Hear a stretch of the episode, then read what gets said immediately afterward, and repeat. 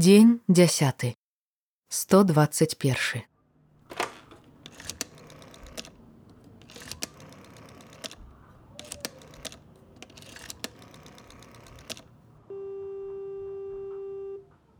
Лёха, Ян прыціснуў шчакой слухаўку і азірнуўся на дзеда. Той чытаў газету. здароў, што новага ў школе?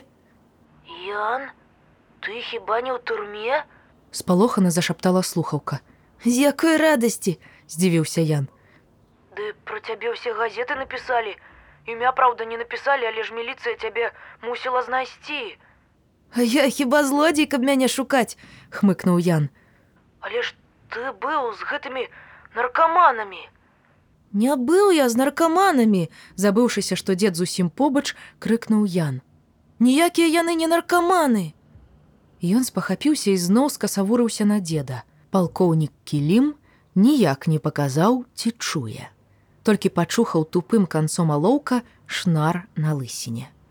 Слухай, мне мама сказала, што мне нельга з табой сябраваць, бо ты трапіў у дурную кампанію, і можаш мяне туды ж уцягнуць.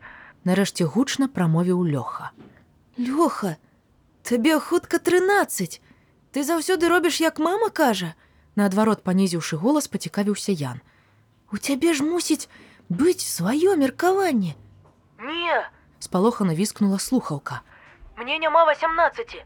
Значыць, у мяне не можа быць свайго меркавання, і ў цябе не можа быць. Гэта табе галаву задурылі наркаманы. А можа, яны табе заплацілі колькі? 500 еўра больш, чым ты ўвесь каштуеш. крыкнуў Ян і кінуў слухаўку. Зірнуў на дзеда. Палкоўнік кілім чытаў газету. Ян сярдзіта засоп. Дзед чытаў. Ян прайшоўся ў кухню і назад, грукаючы пятамі па падлозе як рота ганаровай варты. Дзед перагарнуў старонку і працягваў чытаць, зрэдча робячы пазнакі. Ян схапіў падушку і з усяе моцы даў аб раскладанку. У кладоўцы ёсць баксёрская груша. Магу павесіць замест жырандолі. прапанаваў дзед, адклаўшы газету. Ян чмыхнуў і плюхнуўся ў фатэль, дэманстратыўна адгарадзіўшыся сплеценымі рукамі. Дзед ізноў узяўся за газету. Мне ніколі не забаранялі з ім сябраваць, хоць ён вучыцца на тройкі, прагульвае цішком паліць, Пачаў Ян, касавурачыся на газету. Як чалавек, які вучыўся на тройкі, прагульваў і, пачынаючы з пятага класа 40 гадоў паліў, магу пацвердзіць. Добраму сяброўству гэта не замінае. Адгукнуўся з таго боку газеты дзед. Я сябрую з кім хачу. З наркаманамі. Падказаў дзед і вынырнуў з-за газеты. Як можна вырашаць за чалавека, з кім яму сябраваць? Ян зноў аборана чмыхнуў. Вось ты забараняў тату сябраваць. Я кепскі прыклад. Я паняцця не меў і па сёння паняцця не маю, з кім Віталь сябруе. Хаця вось гэты Валера здаецца, нішто сабе хлопец. Наркаман. Галоўнае, каб мне Хаця і гэта не моя справа. І сваё меркаванне чалавек мусіць мець незалежна ад узросту. Хіба не? Не мусіць. Мае права мець меркаванне.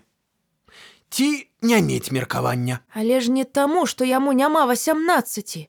У дзіцяці таксама можа быць меркаванне. Тут ты эксперт, якіх мала. Сем гадоў таму я павёў цябе на праслухоўванне ў эстрадную студыю. Там цябе ўзялі ў хор, а потым запыталіся: Ці хацеў бы ты вучыцца не толькі спяваць, але і танчыць? Ты катэгарычна адмовіўся. Цябе спыталі, чаму. І ты адказаў, што кожны чалавек мае права на сваё меркаванне. Вось гэтымі словамі і сказаў шкет пяцігадовы.